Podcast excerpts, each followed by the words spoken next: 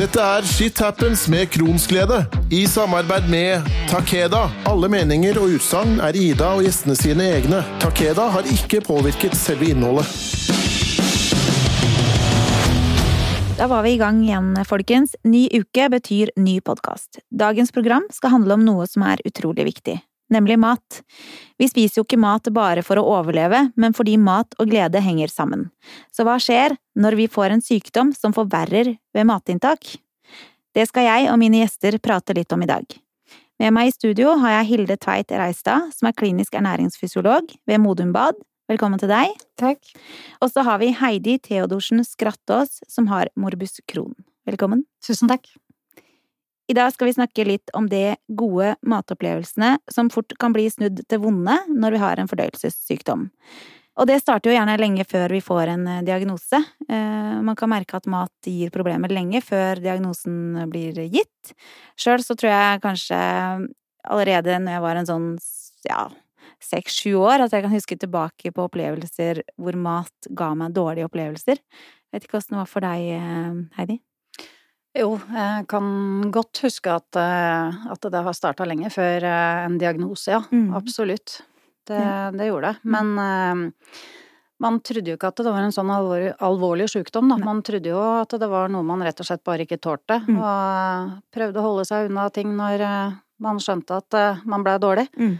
Men den ene dagen tåler man noe, den andre dagen så tåler man ikke det samme, så Det er det, Det er som vanskelig. er med de Mm. sykdommene her. mm. Eh, og du fortalte meg litt i stad om det også, at du eh, før du fikk diagnosen, så var du gjennom et ganske langt løp. Mm. Eh, hvor legene trodde at du hadde allergier og intoleranser og sånne ting. Og det tror jeg det er ganske mange som, som opplever. At de er igjennom et sånt løp hvor de altså, går gjennom forskjellige allergier, og det er mange ting de tror før det eller havner på et, en um, sykdom, da. Tror jeg, helt Mm. klart.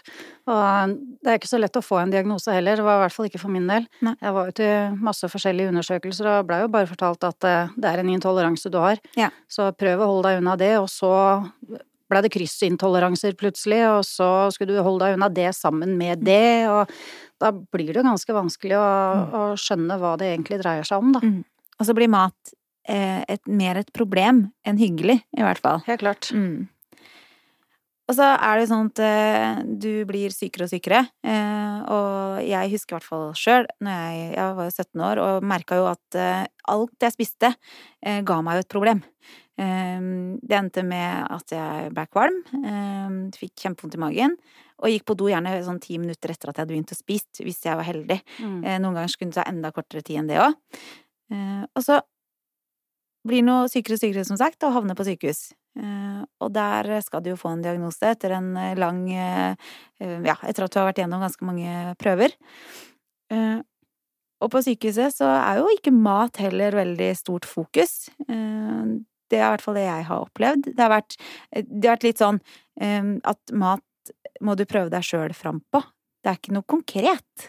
Absolutt ikke. Du får beskjed om at du, du bør holde unna det, for eksempel eh, som vi snakka om i stad, løk, Mm. belgfrukter. Mm. Eh, neste, dag så, ja, neste dag så tåler du løk Mm. og belgfrukter, Mm. og så får du et ark fra ernæringsfysiologen som sier at eh, dette bør du holde deg unna. Mm. Og det er det, den oppfølginga som blir gitt på, Mm. på sjukehuset, i hvert fall for min del. Ja. Og den ernæringsfysiologen har du gjerne ikke sett heller. Det er jo gjerne en sånn som du bare får i et ark levert eh, gjennom en sykepleier eller en lege som haster videre. Og så sitter man med tusen spørsmål sjøl.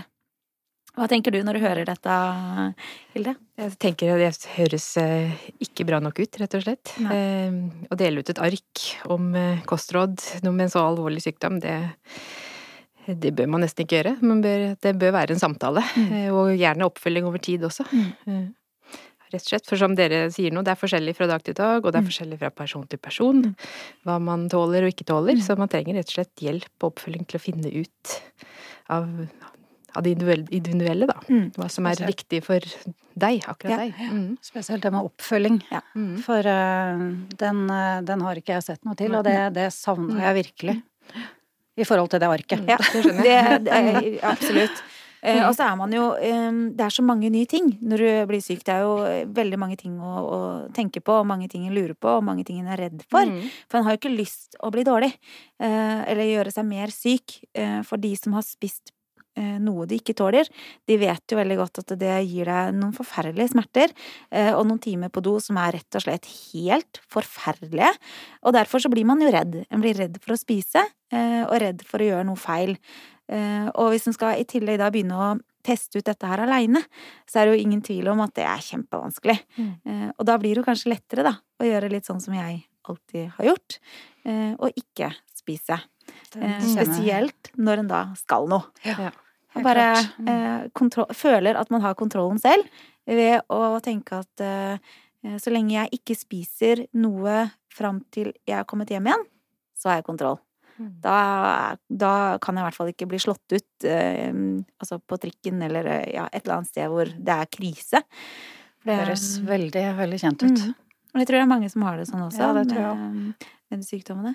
Og så er det sånn at det er jo en balansegang som er ganske sånn hårfin. Mm. Eh, fra å tro at du har kontroll, til å miste kontrollen. Eh, og hvor mat kanskje kan gå over til å bli mer det du jobber med. Som du jobber jo på Modum Bad. Mm. Jeg jobber med spiseforstyrrelser mm. på Modum Bad. Mm. Mm. Så ser jo også der innimellom at det er pasienter som har, eh, har eh, forskjellige tarmsykdommer, da. Mm. Hvor det har vært en del av årsaken til at man får en spiseforstyrrelse. Mm. Mm. Jeg kan absolutt forstå eh, at noen kan eh, utvikle spiseproblemer. Eh, og jeg kan også si at eh, eh, jeg tror det nesten blir litt sånn eh, lett eh, å havne i de fellene fordi at mat gir deg så lite godt i perioder at det er enklere å velge det bort. Eh, og så opplever man situasjoner som gjør at maten blir så skummel eh, at det eh, fort kan bli en vane i dette som ikke er bra. Det er i hvert fall mine tanker. Og jeg husker også mm, Jeg har vært veldig mye innlagt på sykehus over lang tid. og i perioder så har jeg hatt tarmhviler altså, hvor de da velger å legge tarmen uten noe mat igjennom, og jeg har fått all mat intravenøst. Og når du gjør det kanskje ja, en måned til halvannen i strekk, så er det klart at eh, når du skal begynne å spise igjen, så er jo det også veldig merkelig. Det å få mat i munnen, det er jo bare Jeg husker jo at jeg hadde ikke lyst til å begynne å spise igjen. Jeg syntes det var kjempegreit å slippe det. Det er en lett løsning. Ja. Mm, veldig lett. Og, hadde, og jeg vet jo flere også som sier hadde det finnes en pille, hadde jeg kunnet valgt mellom å tatt en pille og visst at jeg hadde fått i meg alt jeg trengte, så hadde jeg valgt det kontra å spise og risikere eh, å bli dårlig. I hvert fall, i hvert fall sånn på, på dagtid og sånt, når man veit at man skal noe og sånt noe. Men sånn som for min del, da, jeg er jo ekstremt glad i mat. Har Mm. alltid vært veldig glad i mat. Eh, likt å tilberede mat Mm. sammen med mannen min i helgene og sånne ting. Eh, men det er så mye lettere å spise hjemme. Altså, Ja. man har ikke lyst til å spise borte. Nei. Og når man skal noe på dagtid og sånne ting, så den pilla hadde vært helt Mm. eh, super, for meg, altså. Ja. Og jeg også er veldig glad i mat. Eh, og det også gjør den sykdommen kjip, eh, og litt ekstra vond å bære. Fordi at er du glad i mat og syns at det er godt å spise spennende mat som eh, kanskje ikke alle andre spiser, da, Mm. eh, så får du et problem. Fordi at eh, i perioder så må jeg jo si at det å leve på kylling og ja, loff eh, er ganske kjedelig.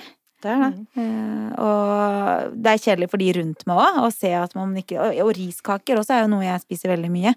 Bare for å ha på en måte At man får i seg noe. Og så er det jo Jeg fortalte litt om det i stad, at vi har jo familie rundt oss eh, som, har, som ser oss, og som eh, også kan reagere på at ikke vi spiser. Jeg har jo ei jente som plutselig spurte meg hvorfor, hvorfor ikke jeg spiste sammen med de.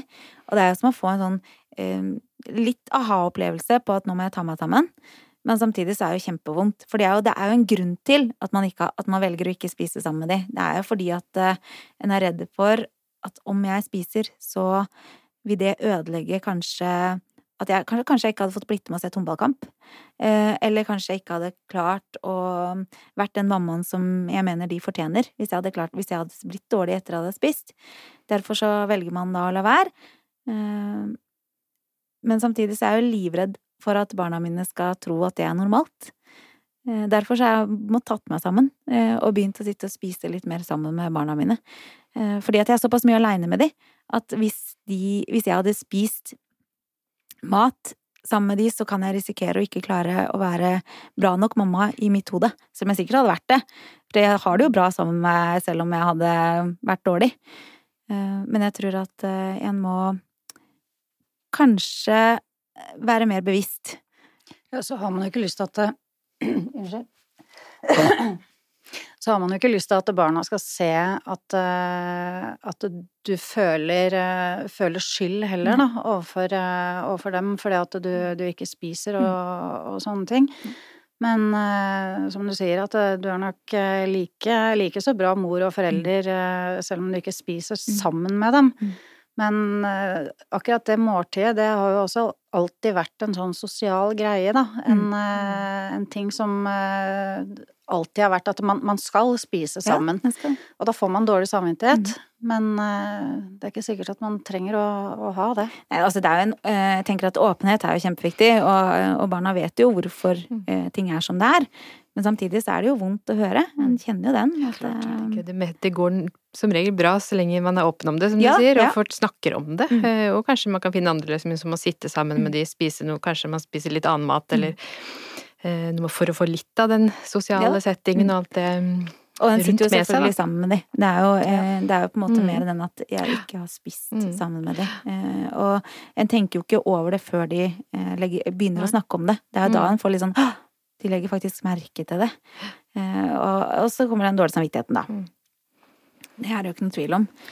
Eh, og det er jo sånn at eh, man eh, Det hadde kanskje vært enklere, da, å spise hvis, hvis det ikke hadde vært smerter involvert, tenker jeg. Ja, klart det. Fordi at eh, det er så logisk eh, å la være å spise når det gjør vondt. Eller du flyr på do i eninga etterpå. mm. Eh, har du noen opplevelser rundt det som du Ja, altså Akkurat det med smerter Jeg har, jeg har jo en del smerter, det, det har jeg. Men det verste er jo liksom Sånn som i sommer, så skulle jeg og mannen min til Bergen. Og det er en ganske lang kjøretur fra, fra Eidsvoll over Hardangervidda og, og over til Bergen. Og da turte jo ikke jeg å spise før vi dro hjemmefra. Nei. Eh, Det fins ikke flust med doer over Hardangervidda, liksom. Så det er en ganske lang kjøretur, og det er en ganske lang, eh, lang vei og tungt å ikke kunne spise før det, fordi at eh, du blir jo sliten av det. det er, mat gir deg jo energi. mm. Så når du ikke får i deg noe, så blir du jo ganske sliten. Mm. Og samme, jeg dro til venninna mi i København her for ikke så mange ukene siden. Jeg kjørte. Turte ikke å spise da heller, verken på tur ned eller på tur hjem. I dag har jeg ikke spist. Nei. Nei da. Det man, man tør jo ikke. Nei, man gjør ikke det. Det, man sitter ikke på, på toget og kjenner at åh, shit, Nei. dette her går gærent. Mm. Så nei, mat blir, blir en fiende på en Mm. måte, i hvert fall når man skal noe. Man vil helst sitte hjemme og spise. Og jeg har full forståelse for at mennesker velger å være hjemme. Eh, fordi at eh, det er tryggest. Eh, det er en stor risiko idet du beveger deg utafor døra. Og en kan, en kan forberede seg inntil en viss grad. En kan ha med seg skift, en kan ha på en måte gjøre alle de tinga tilrettelegge godt nok, som, ja, som da å ikke spise. Det er en måte å tilrettelegge på for å prøve å unngå disse uhella. En Mhm. kan ha eh, skift, en kan på en måte gjøre alle disse tinga, eh, men allikevel så er risikoen der eh, for at man kan bli dårlig. Og det setter seg jo i huet. En går jo automatisk og tenker på at en er redd for at det skal skje. Tar opp mye av, hverdagen. Veldig. Akkurat det med å spise og være redd, Mm. rett og slett. Det, Det det. sitter, sitter sterkt psykisk hos meg i hvert fall. Mm. Altså bare hvis du blir bedt bort til eh, Mm. venner, så tenker du litt sånn derre mm, har, de, eh, har de do oppe i annen etasjen, tror du? Mm. Kan jeg gå opp dit? Mm. Har de do i kjelleren? Ja. Jeg har ikke lyst til å gå på den doen som er ved siden av stua. Det, det er ganske, ganske tungt. Mm. Du, du føler at livskvaliteten blir eh, ikke fullt så god som det du hadde håpa på, Nei. egentlig. Og informasjonsmessig sett, hvordan har det vært? Har du fått god nok informasjon Nei, om dette? det vil jeg ikke påstå. Det, det har vært veldig lite, altså. Mm. Det, det har det. Og det tok jo lang tid før jeg fikk diagnosen også. Jeg havna jo på sjukehuset Jeg ble, jeg ble sjuk i begynnelsen av desember i fjor. Og havna på sjukehuset første juledag. Og de første ukene så hadde jeg jo ingen informasjon i det hele tatt. Altså da var det bare masse blodprøver Ja. og, og intravenøs, liksom, mm. næring. Mm. Eh, ingen informasjon, og du ligger der og er livredd for hva som egentlig er i, i veien Ja. med deg. Eh, jeg følte ikke at, eh, at eh, den informasjonen jeg fikk, den, den trygga meg ikke noe spesielt. Nei. Det gjorde den absolutt ikke. Og eh, når du endelig da får, etter drøye to måneder, en tre måneder, en diagnose, så var det ikke så fryktelig mye informasjon å hente om diagnosen heller. Altså, jeg har googla mye, for å si det sånn, og man sier jo at man ikke skal google sykdommer, da, men eh, den informasjonen som jeg har tilegna meg om eh, den sykdommen her, den eh, har stort sett kommet fra Google. Mm. Og ernæringsmessig så har jeg jo masse ernæringsdrikker hjemme i Ja. kjøleskapet. Eh, For de dagene som du ikke får i deg så veldig mye, og du veit at kroppen må jo ha noe for Ja. at du skal fungere i det hele tatt. Mm. Men eh, det hadde vært fint også hatt eh, en person som man kunne snakka med, som eh, hadde fulgt deg opp litt, og som Mm. kunne, kunne hjelpa deg med tanke på det å kunne kjøre til Bergen eller København, da, ja. uten eh, eh, Eller eh, å tørre å få i deg noe mat først, Ja. eller eh, i hvert fall et tips om hva du kan gjøre for å gjøre den turen lettere. Mm. Hva tenker du eh, om dette her? Det er absolutt. Altså, viktig med støttespillet. Ikke sant? Det man, når man skal teste ut hva tåler jeg og ikke tåler jeg, at man har noen å, å spille på. At man ikke sitter der aleine med den jobben. Det er en ganske stor jobb Ja. eh, å finne ut av. Mm. Og det er eh, veldig godt å kunne ha noen å, å jobbe sammen med om det. Mm. Og så virker litt sånn Ernæringsfysiologer har kanskje hatt et litt sånn dårlig rykte òg. Eh, I hvert fall i forhold til sånn Jeg husker i hvert fall en lege som sa det til meg, at det var helt unødvendig okay. å få en ernæringsfysiolog. For det, det, jeg skulle bare være glad for at jeg var tynn. Det var ikke noe å være redd for. Det var, det var, det var ingen Og det er helt hva han sa. Det er ingen menn som liker tjukk, tjukke damer. Så det var, jeg skulle bare være glad for. Um, og så kom det en ernæringsfysiolog inn, eh, og de to sto og krangla, husker jeg, noe voldsomt om jeg, da, som var ung og virkelig undervektig, som trengte hjelp. Eh, og det endte med at ernæringsfysiologen fikk jo kommet, Mm. men eh, jeg husker ikke så veldig mye. Greia er jo at du er jo så syk, eh, og oppfølginga skjedde på sykehuset. Eh, hun var innom liksom noen ganger, men det var ikke noe mer. Nei. Det skulle vært en, en slags eh, avtalegreie der, hvor Mm. idet du får en sykdom, så skulle du vært plukka opp inn i et system, fått en time hos en ernæringsfysiolog som hadde fylt deg opp. Som kan fylle opp poliklinisk etterkant Mm. også av innleggelsen. Absolutt. Eh, Det er, og det tror jeg nok mange kliniske ernæringsfysiologer vil. Ja. Det står sikkert mange grunner til at ikke det alltid skjer. Mm. Eh, Kan godt hende at noen får, får den hjelpa, men det ser at i hvert fall får ikke alle det. Nei. Nei. Eh, Jeg vil jo tro at Mm. det er heller fåtallet. Sikkert Eh, fåtallet, eller en jeg. mm, Absolutt. I hvert fall som får den langsiktige Ja. oppfølgingen, da. Mm.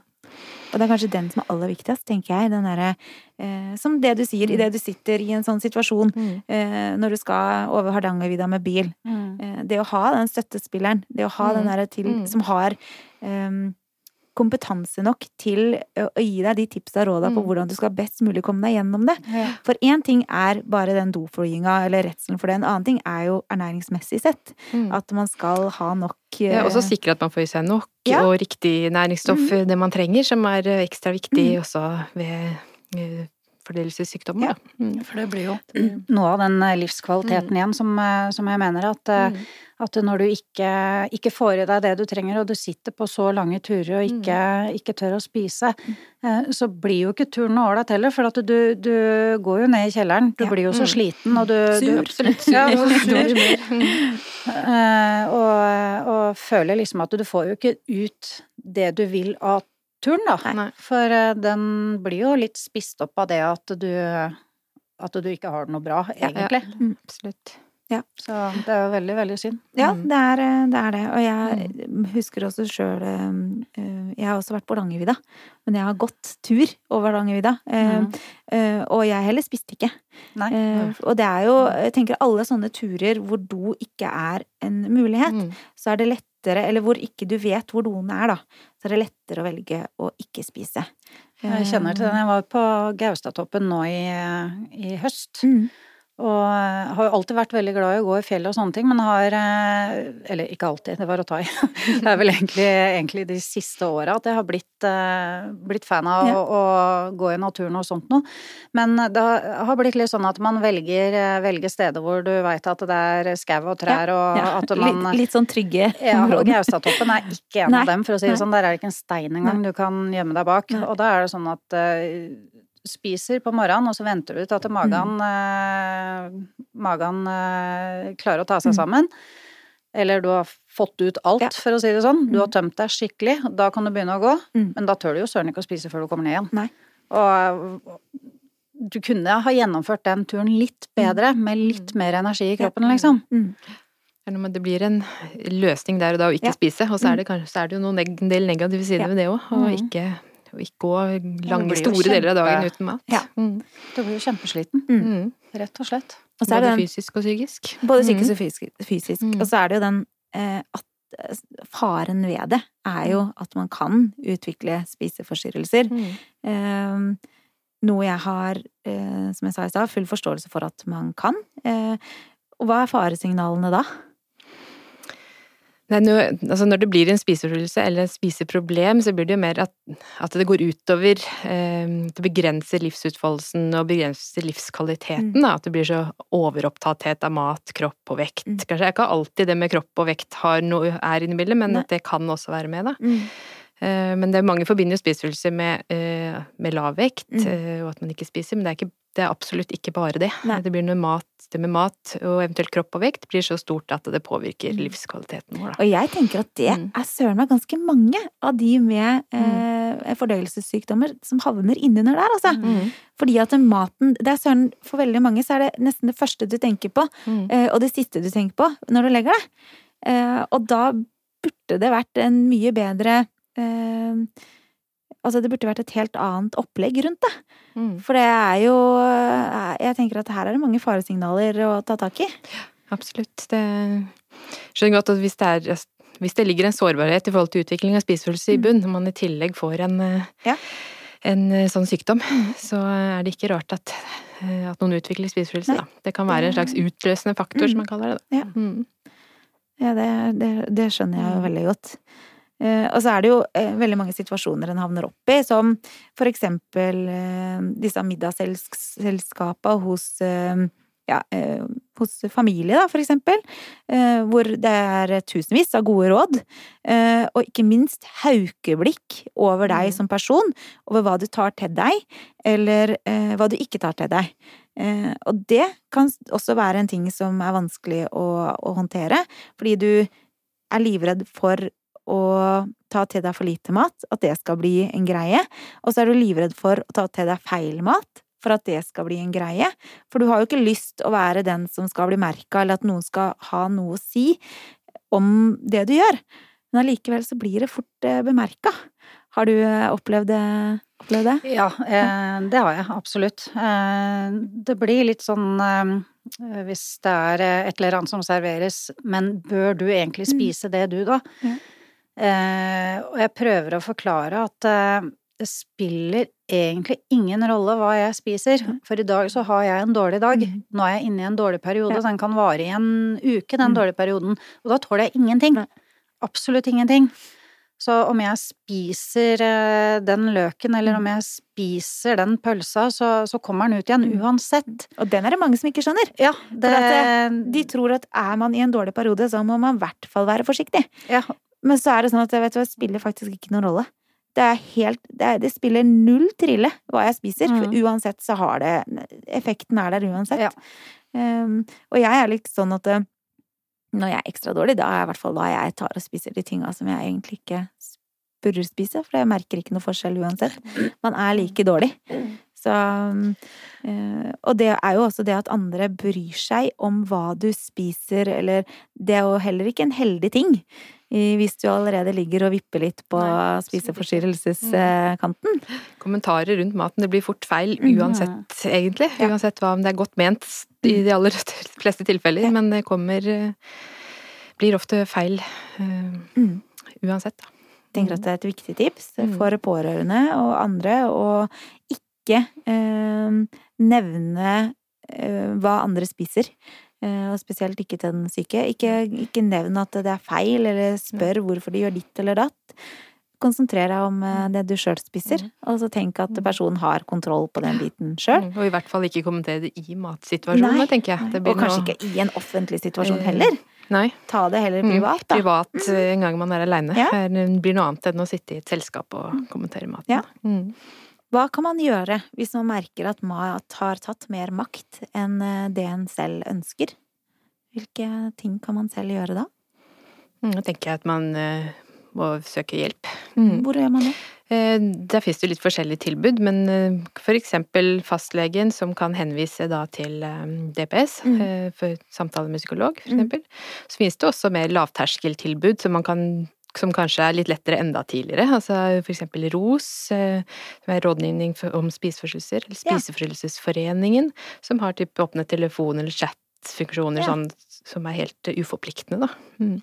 Som kanskje for mange kan være første steget Mm. til, å, til å finne ut av, hvis man er litt usikker også kanskje, har jeg en spiseforstyrrelse eller Mm. ikke, og mm.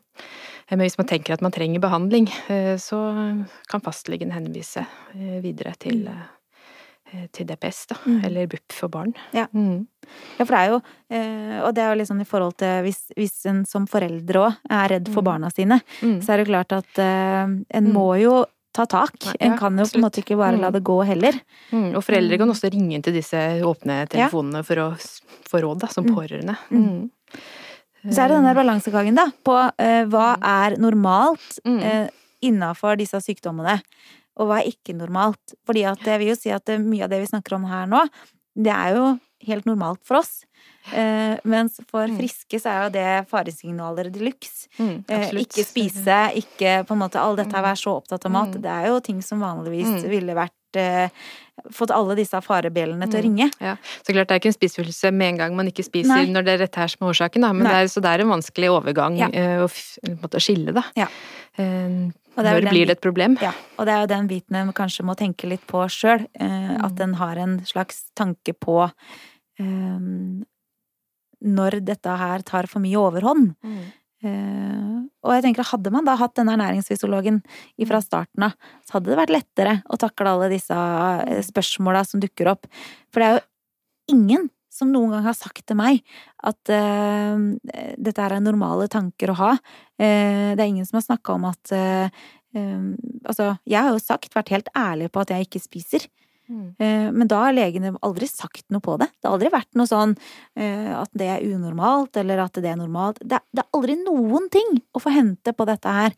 Eh, Det, jeg husker, de har jo nevnt litt på dette at det kan være vanskelige matsituasjoner, og at mange syns det er vanskelig å gå ut med venner. Men da er det aldri den biten Jeg tror egentlig det har vært mer på redselen for at vi blir dårlige med å dra hjem. Mm. Ikke nødvendigvis for matens del, da. Nei, det er ikke selve maten man er redd for. Det er, jo, det er jo det å bli dårlig. Ja. Selvfølgelig. Det, det er jo ikke noe tvil om. det er jo den derre Man har jo så lyst. Man har kjempelyst til å få det til å Mm. fungere. En har jo et ekstra behov for eh, sosialisering eh, når man, eh, når man er syk, fordi at det er ikke så ofte. Eh, og en gleder seg kanskje ekstra mye. Og så er det sånn Nederlaget er så sinnssykt vanskelig når en ikke får det til. Helt klart. Um, Jeg har selv eh, vært eh, der hvor jeg har gleda meg så til jentekvelder, og så har kvelden kommet, og så skal jeg dra, og siden jeg skal ut døra, så er det bare null sjans. Eh, Og det å ta den telefonen og si ifra at vet du hva, jeg, det går ikke.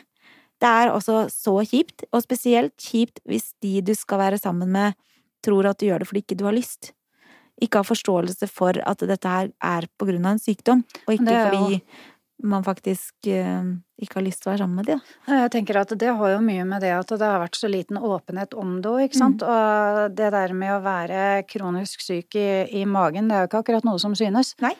Så selv om man eh, ser fresh ut og sånt noe, så er det jo ikke bestandig at man er det. Nei. Og det er klart, akkurat eh, den sykdommen i magen, da, den, den kan jo komme på sekundet, ikke sant. Altså 20 minutter før du skal dra, så er det ikke sikkert du har vondt i magen i det hele tatt. Men eh, det kommer så plutselig, og så, og så blir det Jeg, jeg syns det er kjempevanskelig å si ifra til venner at jeg vet hva, sorry, jeg har blitt sjuk. Ja. Og så blir du litt redd for å, å ikke bli invitert Ja, igjen, for at det er som du sier, Mm. at eh, de tror kanskje ikke på deg. Nei.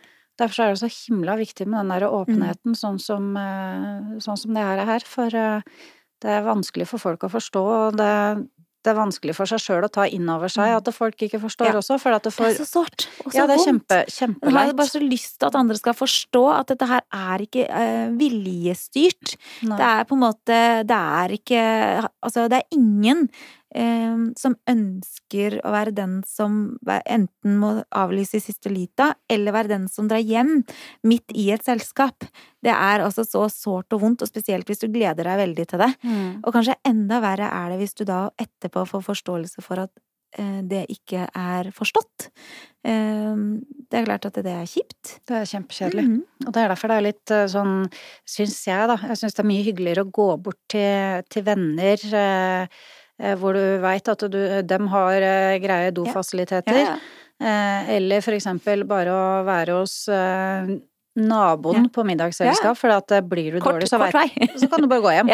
Og så kan du bli der en stund, og så Mm. kan du kanskje komme tilbake. Hvis det ikke Hvis, hvis du føler at du, du er i form til det, liksom. Mm. Så, men akkurat det å gå ut på byen, eh, gå ut og spise middag sammen med venner og sånne ting, det har blitt eh, vanskelig. Mm.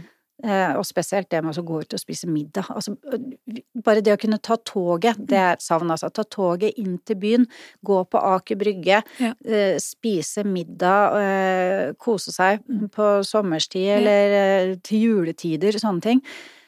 Men han tør jo ikke, for at, da må du enten bli sittende der, da, til du veit at magen ikke reagerer. Mm. Men så er det ikke noe kult å sitte der når magen reagerer heller. det er For det, helt det er jo båser med doer, og det, det er jo ikke kult å gå inn der og Det det. slippe seg løs. Nei. Det er ikke det, og det går jo Jeg tenker at uansett hvor frimodig du er, eh, så er det ikke gøy. Nei. Eh, Og da er det lettere å være den som velger å være hjemme. Mm. Eh, Det er det ikke noe tvil om. Og det er sånn som vi snakka i stad, at det her med mat er jo så sosialt. Det er så hyggelig, og det er, alt skal være så Det er jo en sånn setting rundt mat som er så trivelig. Mm. Eh, og så blir det bare så sinnssykt kjipt, kjipt når det ikke er trivelig lenger.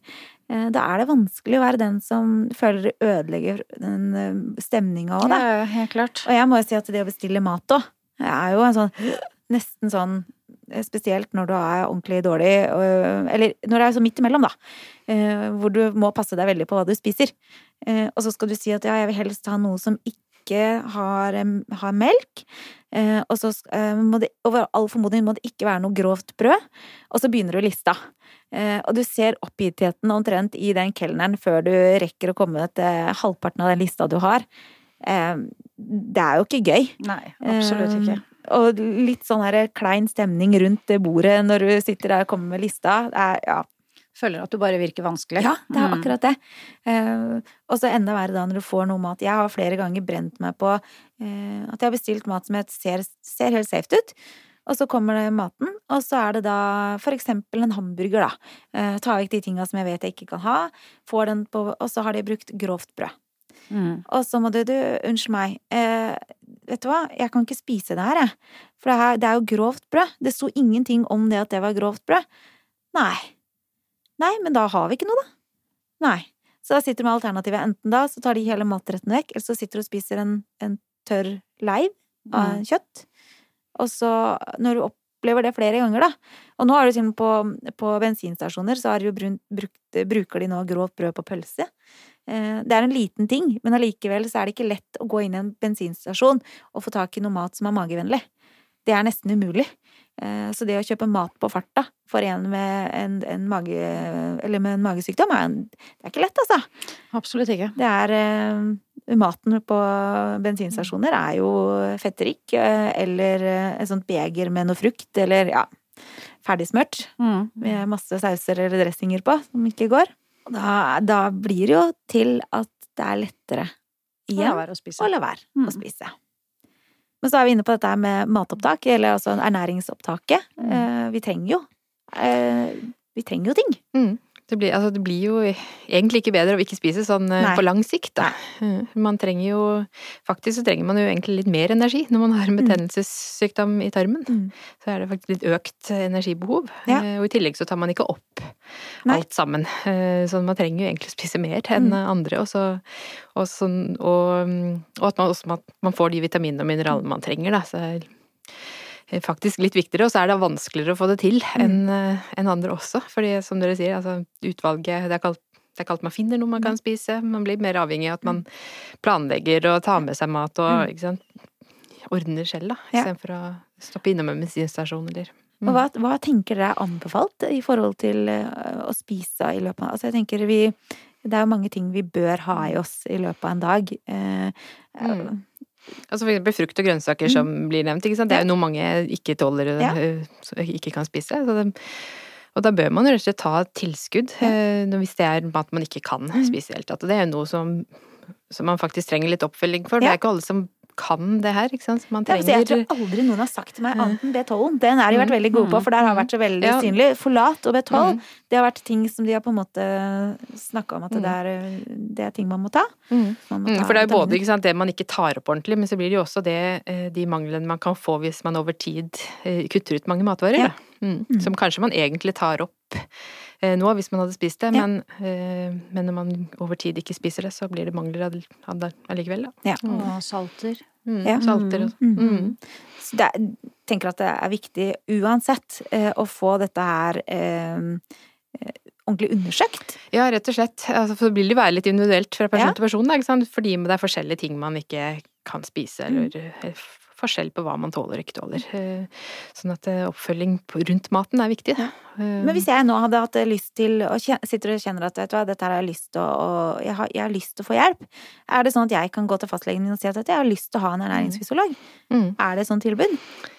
Det varierer litt Ja. fra sted til sted, men ganske ofte så er det ikke sånn. Er rett og slett. Eh, Men klart, eh, hvis man, det er ofte sånn at man har på sykehusene. Mm. Eh, Det er mye mer vanlig. Kommer det litt i kommunene sånn etter hvert nå, men, men absolutt Altså, man trenger jo ikke være innlagt på sykehuset, så kan absolutt hende at man kan få noe at man, Hvis man har en lege på et syk, sykehuset som man er tilknytta, Mm. så er det kanskje mulig å, å henvise derfra. Jeg syns Til det er rett og slett helt ja. Mm. Jeg syns det er, Det er ja. en krise. Ja, det er det. Det burde absolutt vært så en, altså, altså, Her finnes det jo private, selvfølgelig, men da må man jo også betale og, um, Og det er jo også for dette selv. Mm. Og der er jo også et problem igjen, for de fleste syke har jo Mm. ikke den økonomien som alle Mm. andre. Så det, da Mm. blir det jo til igjen at vi går rundt med mangelsykdommer. Eh, går Mm. på en måte Ting som kunne gjort livet lettere, da. Hadde man hatt de næringsstoffene man trengte, så hadde man kanskje følt seg bedre. Eh, hadde kanskje også til og med fått en bedre eh, Både syke og fysisk, altså fysisk og psykisk fått det Mm. bedre. Men se, så går man Både og det hangler. å gå underernært Ja. feilernært vil jo også påvirke psyken. Ja, Ikke ikke bare det at man får mangler og at det er, at det er uheldig for, uh, for kroppen vår, da. Så er det også, har det mye å si for den psykiske helse. Ja. Mm. Men absolutt, det må også- be om det på sykehuset, rett og slett. Mm. Hvis ikke legen Nevner nevner det, liksom. så ville jeg absolutt bedt om det, og få en henvisning til klinisk ernæringsfysiolog Ja. på sykehuset. Mm. Og de kan også følge opp poliklinisk etterpå, men det er nok litt forskjellig hvor lenge, ikke sant, hvor Ja. mange samtaler de kan ha og sånn, men uh, det er ikke sånn at de bare tar de som er innlagt, da. Ja. Men jeg tenker at dette her er absolutt noe som Mm, burde mm, ropes litt mer sånn. Vi må som regel ha en tilknytning til et Ja. sykehus, da, Mm. hvis man skal få det uten å betale selv privat, da. Mm. Ja, nei, jeg kan ikke si noe annet enn at jeg syns det er helt forferdelig. Men det er noe Det- er jo ikke noe Jeg tenker at det er noe en kan i hvert fall begynne å si noe om. Mm. At uh, det burde ikke vært sånn. Og jeg vet altså at det jobbes jo for å få flere og flere stillinger i kommunehelsetjenesten, mm. og noe, så noen kommuner har. Mm. Ja. Eh, Men det er, eh, flertallet har nok ikke. Nei, Mm. nei for jeg tenker sånn Nå, nå gjelder jo ikke dette her, men tenker Mm. eldre. Det er liksom så mange Mm. som trenger dette her. Altså, eh, ernæringsfysiologer burde jo eh, vært eh, like viktige som en fastlege, Mm. i mine øyne. Spesielt med tanke på hvor mange det er som egentlig plages av det her. Ja. For eh, det har ikke vært snakka så fryktelig høyt om, men eh, når man begynner å se seg rundt, og man har vært åpen sjøl om det her, så merker man også at det er flere som tar kontakt, og da merker man egentlig hvor mange det er som sliter med tarmproblemer. Og eh, jeg tenker hvis det er så mange, eller ikke hvis, det er så mange, tenk om dem kunne fått en bedre Mm. hverdag bare ved å, å fått den hjelpa Mm. med tanke på å snakke med en ernæringsfysiolog. Mm. Altså, Altså kontroll på mat, mat altså problemet, da. For Ja. det blir jo et problem, selv om ikke det er et spiseproblem, så blir det jo at maten har blitt en, en fiende. eh, og er på en måte ikke den positive greia lenger. Man En må lære seg å bli venn med maten igjen, på en måte. Ja. Eh, finne måter som en kan trives med, og, og hvor maten igjen kan bli positiv. Så vil jeg også si det at hvis man velger å gå privat, da, eh, så er det noe med å skille at eh, det er ikke alle som vet det, men altså klinisk ernæringsfysiolog er jo da de som har autorisasjon som helsepersonell, og som faktisk har, kan noe om eh, Ja. Crohns eller ulcerøs kolitt Ja. eller andre som har, som har hatt det som del av utdanningen sin, da. Ja. Hvis det bare står ernæringsfysiolog, så kan det være noen er, Noe er sikkert bra, men det kan variere, da, hva Ja. slags bakgrunn man har. Det er en viktig informasjon. Som er en viktig detalj å ha. Så det er ikke sikkert alle da kan noe om Crohns. Eh, Kan jo være heldig å finne en, men hvis Mm. det er klinisk, det ordet med klinisk foran er eh, viktig å vite om. Mm, da, har, da er man faktisk autorisasjon som helsepersonell. Ja. Mm. Mm. Det er jo Mm. kjempeviktig. Det er de som jobber på sykehusene alltid, men de, noen ganger så er jo de private eller i kommuner også, da. Ja. Mm. ja, det er jo veldig viktig å vite, for det er jo klart at Mm. en, en kan bli desperat, både som foreldre eh, og eh, som syk selv, eh, og betale for veldig mye. Jeg har sjøl Jeg vet ikke hva jeg ikke har prøvd, spesielt de første åra som syk. Da prøver du mye rart, eh, i Mm. håp om mirakelkuren, som alle sitter og sier. Det er, du får høre så mye Har du hørt om han? Han drakk den olja og blei bra. Eller har du hørt om de Altså, jeg har hørt om Det var altså alt ifra eh, sukkerbiter i eddik Altså, det er sånne helt absurde ting. Eh, men en blir desperat nok til å prøve. Ja, det skjønner jeg. Eh, Sånn at jeg kan fullt forstå at som syk så blir du der at du bare du, du prøver, og så håper du. Og så blir skuffelsen deretter. Og når du har gjort mange av disse her, så får du jo da noe sånne at du tør ikke å prøve noe mer. Eh, og tenk da hvis du hadde hatt den derre at du kunne bare visst at dette her får jeg. Her, der får jeg den riktige hjelpa til Mm. å kunne eh, hjelpe barnet mitt til å få det bedre. Vite hva jeg skal legge i matpakka. Jeg vet om barn som lever på næringsdrikker eh, for å klare seg gjennom altså, de, Det er nesten bare det de får i seg. Eh, og tenk det sosiale de går glipp av. Det, jo, det er jo ikke sånn det burde vært. Du mister mye av den gleden rundt Ja. måltidene og ja. mat og, og det sosiale, som du sier. Mm, absolutt. Det ja, altså, kan være greit med næringsdrikker som tilskudd, Ja. men det å også ha få inn seg noen normale måltider Mm. også. Og jeg må si at jeg har levd også veldig mye på babymost mat. Mm. Og tatt i blenderen. Altså all mat gikk i blenderen veldig, veldig lange perioder. Eh, og det å sitte og få julematen i blenderen, Mhm. det var også så lite hyggelig at jeg vet ikke Jeg bare husker på det som en sånn derre Nesten litt sånn trist. eh, Og følelse av litt sånn sorg, for det blir, det blir ikke det samme. Eh, Og smaken er jo sikkert eh, litt eh, det samme, men det, det blir så lite eh, matglede og vilje og ønske til å spise, da. Eh, Og så sitter du og pirker i deg lite grann bare for syns skyld, og så er vi da, da gidder man jo ikke noe mer. Nei, jeg husker, jeg husker jula Eller det vil si, jeg husker egentlig ikke så mye, men eh, jeg og mannen min og sønnen min satt faktisk og snakka om det her, her i går kveld. Eh, julaften i fjor. Mm. Jeg er jo så glad i pinnekjøtt, men i fjor så klarte jeg jo ikke å spise. Jeg, Roger, mannen min, plasserte meg i en godstol. Vi hadde, hadde gjester. Han plasserte meg da i en godstol eh, ved siden av spisebordet, sånn at jeg fikk være med på det sosiale, men jeg klarte jo ikke å spise. Og eh, jeg bare husker hvor trist det var. Mm. Og ikke fikk jeg pinnekjøtt hele det året, så nå gleder jeg meg så fælt til julaften, for nå skal jeg spise pinnekjøtt. Det skal jeg, det skal jeg love. Spise det tyter ut av ørene. Ja, jeg skal ikke ha det most heller. Nei. Det, det skal være bra sikkert. Skal bare ligge som sånne perfekte stykker som bare Ja, ja, ja. detter fra Mm. Nei, og det er jo det som er at en, når en får disse sykdommene, så er det så veldig mange ting eh, som en mister. Mm. Eh, og det er mange ting en skal eh, lære seg å leve med. Eh, og hvis ikke en får noe hjelp, eller får god nok hjelp til å takle alle disse tinga som en møter, eh, så tror jeg det blir vanskelig. Mm. Eh, Og det tar mye lengre tid å godta at dette her er livet mitt, hvis ikke man kan få den der drahjelpa på veien. Derfor så er det kjempeviktig at helsepersonell er klar over at dette her er et problem. Mm. Maten er et mye større problem enn kanskje hva vi gir uttrykk for når vi snakker med, med fastleger og med, med legene våre på sykehuset sykehus også. Fordi at eh, mat må vi ha. Vi spiser mat hver dag. Mm. Og det er klart at når mat blir eh, så lite trivelig, og så mye redsel rundt, så er det jo eh, kanskje noe som bør settes mer fokus på. Absolutt. om du som lytter føler behov for å prate med noen om dette temaet, så ta kontakt med fastlege eller andre du stoler på. Det er viktig å ta tak i problemet før det går for langt. Om du har spørsmål til selve programmet, så send meg gjerne en mail på kronsglede.alfakrøllhotmail.com. Dere finner meg på kronsglede.no og på Facebook-siden Kronsglede. Lik gjerne siden der.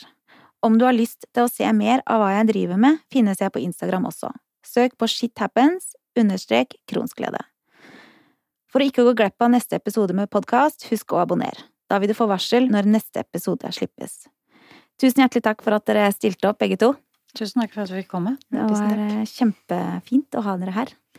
Til vi høres igjen, ta vare på deg selv. Shit happens med Kronsglede i samarbeid med Takeda.